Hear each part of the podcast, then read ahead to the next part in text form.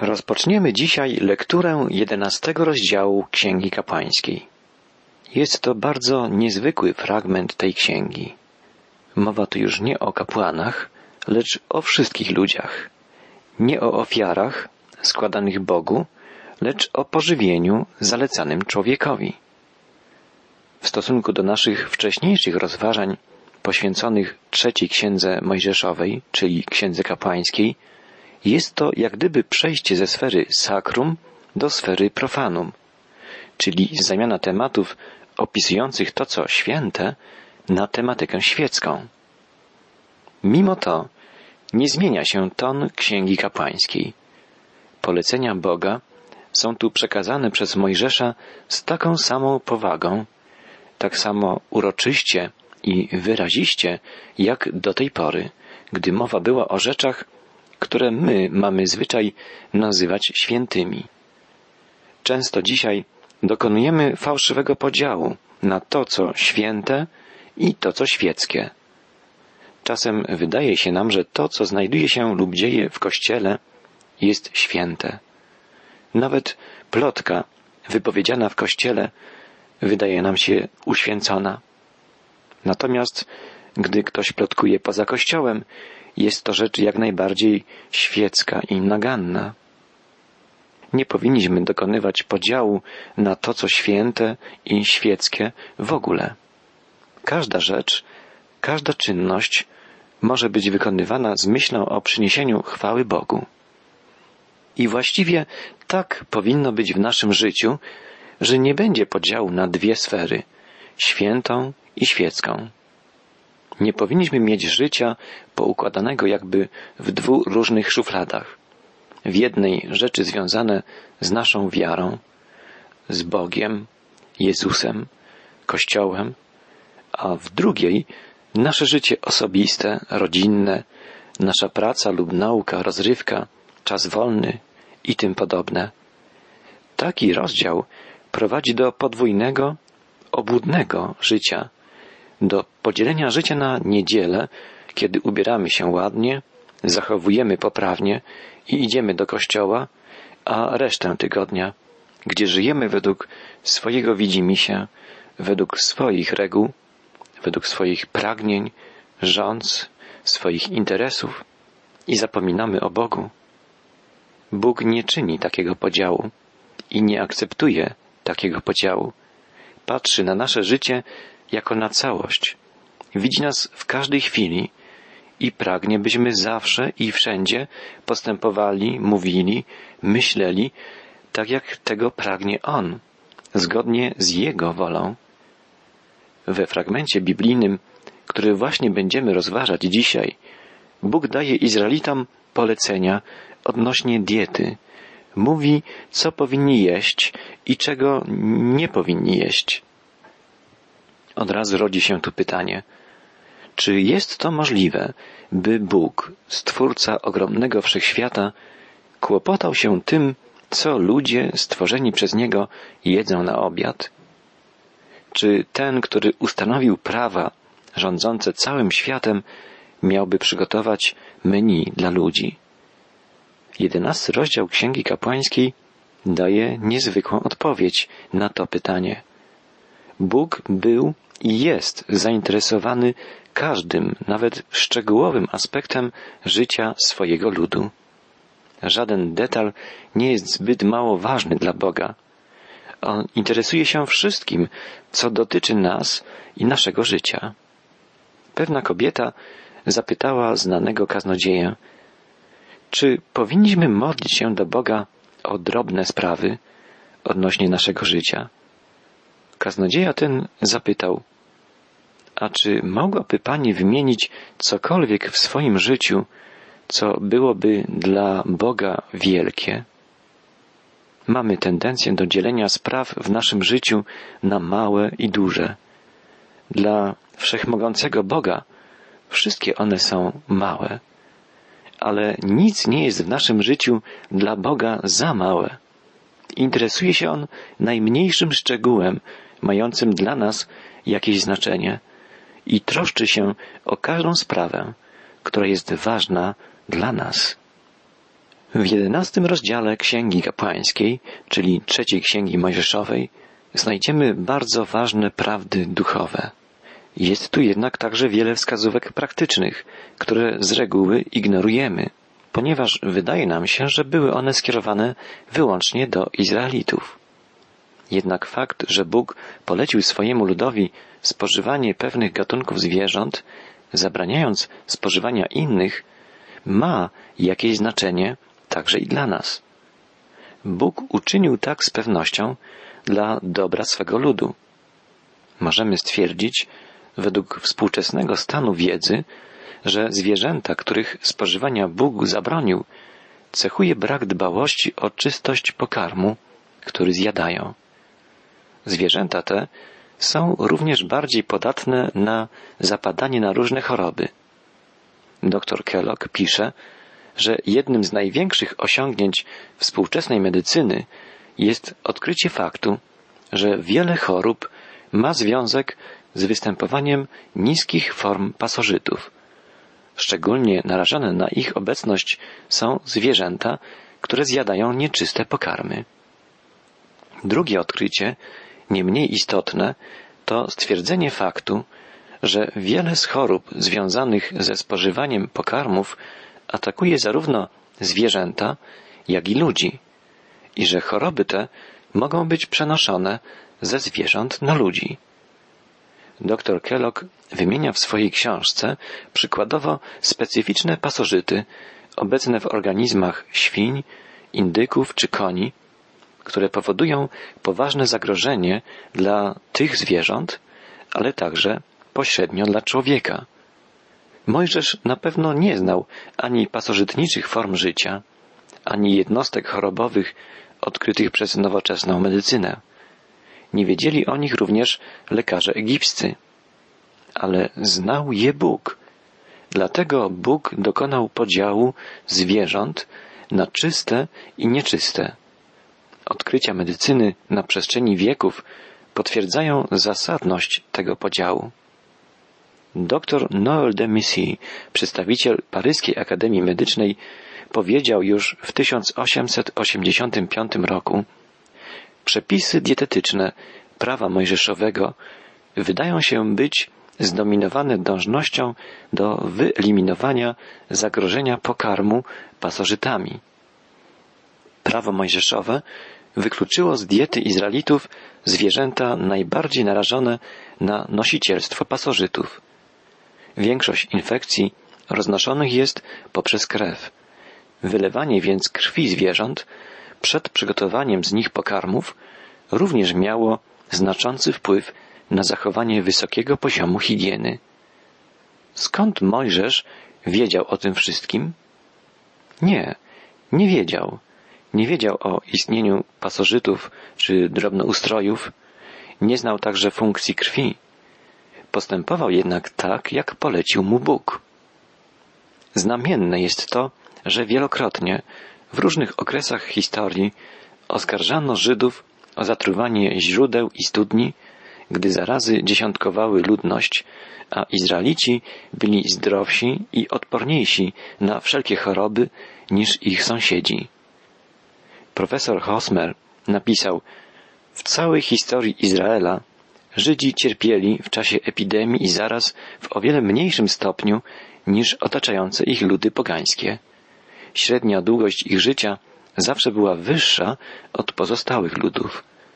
Nawet współcześnie w wielu towarzystwach ubezpieczeniowych mówi się, że życie Żyda ma większą wartość niż życie przedstawicieli innych nacji. W pewnych okresach w historii przeciętna długość życia Izraelitów była dwukrotnie wyższa niż średnia długość życia sąsiadujących z nimi pogan. Możemy z tych faktów wiele się nauczyć. Często potępiamy Izraelitów za to, że kładli nacisk na zachowywanie zewnętrznych przepisów, zachowywanie reguł dotyczących sfery fizycznej życia, zapominając o sferze ducha. Równocześnie sami popełniamy błąd, kładąc często nacisk tylko na sprawy ducha, a ignorując fizyczną sferę naszego życia. Chrześcijanin nie powinien ignorować swojego ciała, nie powinien zaniedbywać utrzymywania dobrej kondycji fizycznej, odżywiania się w zdrowy sposób. Chrześcijanin powinien mieć ciągle na uwadze fakt, że jego ciało jest świątynią Ducha Świętego. Zajmowanie się sprawami ciała nie oznacza, że jest się nieduchowym. Z drugiej strony, zdecydowanie możemy stwierdzić, że dzisiaj możemy jeść wszystko, cokolwiek chcemy. Możemy. Spożywanie lub powstrzymywanie się od spożywania określonych pokarmów nie ma żadnego znaczenia dla naszego życia wiary, dla naszego życia duchowego. Upewnia nas w tym wiele tekstów nowotestamentowych, z których kilka zacytujemy. W pierwszym liście do Koryntian apostoł narodów stwierdza Zapewne pokarm nie zbliża nas do Boga, gdyż nic nie tracimy, jeśli nie jemy i nic nie zyskujemy, jeśli jemy. Pokarm jest dla brzucha, a brzuch jest dla pokarmów, ale Bóg zniweczy jedno i drugie. A więc czy jecie, czy pijecie, czy cokolwiek czynicie, wszystko czyńcie na chwałę Bożą.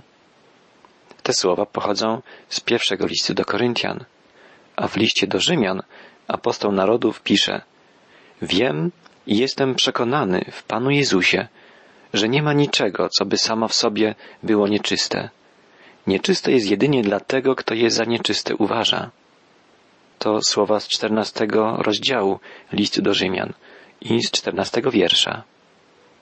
Podkreślić możemy, że Nowy Testament potępia obżarstwo i pijaństwo, wzywa do zachowywania we wszystkim umiaru, równowagi i samokontroli. W liście do Galacjan w piątym rozdziale, w dwudziestym pierwszym wierszu apostoł Paweł wymienia obżarstwo i pijaństwo jako godne potępienia na równi z cudzołóstwem, zabójstwami, kłótniami i tym podobnymi przestępstwami, grzechami. Powinniśmy kierować się w tych sprawach regułą podaną przez apostoła w szóstym rozdziale pierwszego listu do Koryntian. Wszystko mi wolno, ale nie wszystko jest pożyteczne. Wszystko mi wolno, lecz ja nie dam się niczym zniewolić. Gdy występują między nami różnice co do traktowania inaczej diety czy w stosunku do określonych pokarmów, możemy dodać, niechże ten, kto je, nie pogardza tym, który nie je, a kto nie je, niech nie osądza tego, który je. Tak naucza apostoł Paweł w liście do Rzymian w czternastym rozdziale, dodając, żebyśmy nie osądzali siebie nawzajem w ogóle, gdyż to należy do Boga, nie dla nas, a Bóg przyjmuje każdego, patrząc na jego serce, na jego szczerość. W czternastym rozdziale listu do Rzymian czytamy Kto je, dla Pana je. Dziękuję bowiem Bogu, a kto nie je, dla Pana nie je i także dziękuję Bogu. Po wstępnych uwagach zajrzyjmy do tekstu jedenastego rozdziału Księgi Kapłańskiej. W początkowych wierszach jedenastego rozdziału Księgi Kapłańskiej, czyli trzeciej Księgi Mojżeszowej, znajdujemy takie słowa. Następnie Pan powiedział do Mojżesza i Arona. Tak mówcie do Izraelitów. Oto zwierzęta, które będziecie jeść spośród wszystkich zwierząt, które są na ziemi. Czytamy więc na początku o podziale na zwierzęta czyste i nieczyste. Bóg rozdzielił na początku stworzenia światło od ciemności, noc od dnia. Rozdzielił to, co dobre i złe, czyste i nieczyste. Bóg pragnie, by człowiek ukochał dobro, a unikał zła. Współczesne społeczeństwa żyją w taki sposób, że zaciera się wyraźny podział między dobrem a złem. Większość przestrzeni życia stanowi szara strefa, wypełniona czynami, słowami, myślami odbiegającymi od Bożych standardów. Współczesny człowiek brnie w niemoralność i bezsens samowoli. Często słyszy się dziś pytanie, skąd wiesz, co jest dobre? Rzeczywiście, gdyby nie było Boga, nie można by było ocenić, co jest dobre, a co złe. Nie byłoby miary, według której można by mierzyć dobro i zło. Wszystko byłoby względne i żylibyśmy zagubieni. Właściwie nasze życie byłoby egzystencją, bezcelowym bytowaniem. Ale wszechświat ma swego Stwórcę i to On ustanowił prawa, które rządzą światem. Możemy więc być pewni, że to, o czym Bóg mówi, że jest dobre, jest dobre. Żyjemy przecież w Jego wszechświecie. On powołał nas do życia w określonej przestrzeni, w określonym czasie. Żyjemy w świecie, który funkcjonuje według praw ustanowionych przez Niego. Gdybyśmy spróbowali złamać choćby jedno z praw fizyki rządzących światem, na przykład gdybyśmy chcieli pokonać siłę grawitacji i pragnęli oddalić się od Ziemi, nie moglibyśmy tego uczynić własnymi siłami. Musielibyśmy wybudować skomplikowane urządzenia i pojazdy, włączyć do współpracy wielu ludzi i prawdopodobnie zadłużyć się na miliony złotych.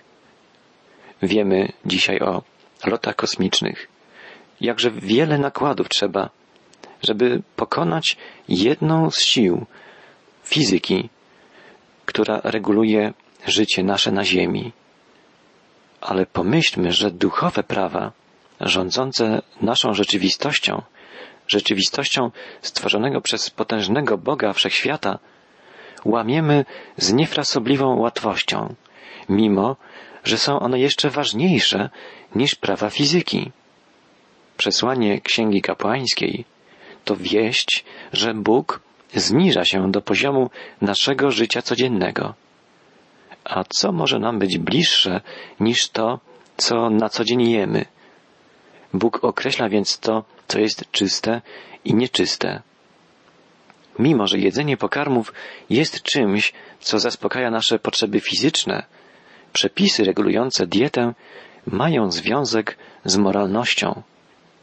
Jest to interesujące, że rozróżnianie zwierząt czystych i nieczystych towarzyszyło człowiekowi już przed powstaniem prawa mojżeszowego. Pamiętamy, że już Noe rozróżniał zwierzęta czyste i nieczyste. Widzimy również i dzisiaj, że współczesne społeczeństwa spożywają niektóre odmiany zwierząt, na przykład ryb czy ptaków, a inne omijają. Po prostu Bóg stworzył zwierzęta, które człowiek rozpoznaje jako te, z których można uzyskać lepsze i zdrowsze pożywienie. Niektóre zaś są przez człowieka uznawane za niestrawialne lub nieapetyczne. Zresztą w różnych rejonach świata i w różnych okresach historii wybór takich zwierząt był i jest inny. Bóg dał Izraelowi wyraźne polecenia odnośnie spożywania określonych zwierząt. Dotyczyło to czasu, w którym żyli Izraelici, w którym wędrowali przez pustynię, a potem po wkroczeniu do ziemi obiecanej, tam uprawiali ziemię i prowadzili hodowlę. Dzisiaj, jako chrześcijanie, nie mamy Bożego polecenia odnośnie spożywania lub niespożywania jakichkolwiek gatunków zwierząt. Ustalenie przez Boga określonej diety dla Izraelitów niosło ze sobą wielkie zagadnienie moralne. Człowiek musi dokonywać wyboru. Upadły grzesznik, przebywający stale na wschód od Edenu, ma ciągle przed oczyma drzewo, z którego nie może spożywać. A więc dieta określona przez Boga miała znaczenie i ze względów dietetycznych, higienicznych, zdrowotnych, ale także ze względów moralnych. Moralny aspekt przepisów regulujących dietę Izraelitów wydaje się mieć pierwszorzędne znaczenie.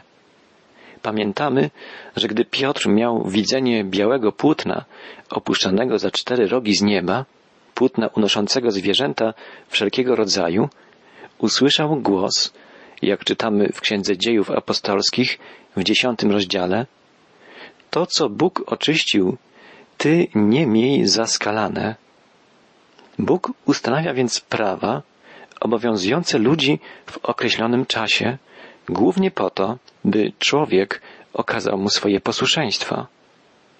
Oczywiście prawa te mają uzasadnienie z wielu innych powodów, o których wspominaliśmy.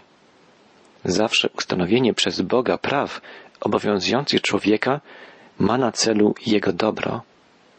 Zadaniem człowieka jest postępowanie zgodne z Bożym objawieniem. Pomódlmy się. Panie, dziękujemy Ci, że objawiłeś nam swoją prawdę, swoją miłość i łaskę w Jezusie Chrystusie. Amen.